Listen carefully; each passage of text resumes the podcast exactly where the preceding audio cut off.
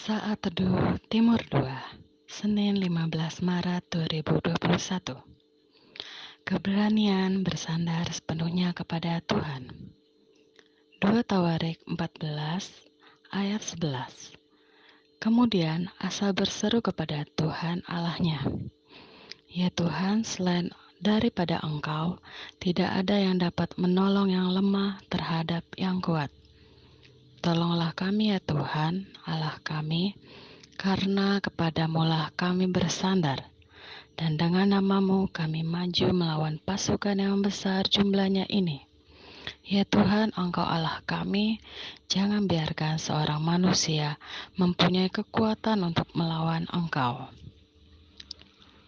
Kalau kita membaca kisah Asa pada awalnya, dia melibatkan Tuhan ketika menjadi raja atas Yehud Yehuda. Dia menyingkirkan dewa-dewa kejijikan dari seluruh tanah Yehuda, merobohkan patung dan membahurui mesbah Tuhan.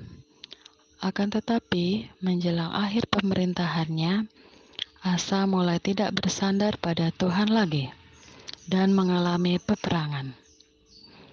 2 Tawarik 16 ayat 9 karena mata Tuhan menjelajah seluruh bumi untuk melimpahkan kekuatannya kepada mereka yang bersungguh hati terhadap dia. Dalam hal ini engkau telah berlaku bodoh. Oleh sebab itu, mulai sekarang ini engkau akan mengalami peperangan. Saudaraku dalam Tuhan, kita mau contoh bukan akhir hidup dari Raja Asa karena dia melakukan sebuah kesalahan tidak bersandar kepada Tuhan. Karena ada harga yang harus dibayar ketika kita mulai melenceng dari Tuhan. Mari, saudaraku dalam Tuhan, jika kita saat ini dalam kondisi kesesakan, ketidakmengertian kita akan situasi yang masih pelik karena pandemi ini, kita memiliki keberanian percaya. Apa pun yang terjadi, Tuhan Yesus tetap baik dan selamanya baik, asalkan kita bersungguh hati mencari pribadinya, bukan mengejar berkat-berkatnya. Karena berkat yang dari Tuhan pasti melimpah bagi orang benar. Anugerah dan kekuatannya masih sama dulu, sekarang, dan selamanya. Masih ada kuasanya yang tak terbatas untuk menolong hidup saya dan saudara.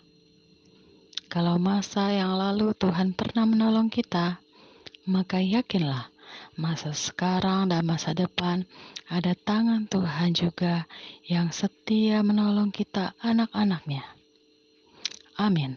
Tuhan Yesus memberkati aktivitas kita sepanjang hari ini.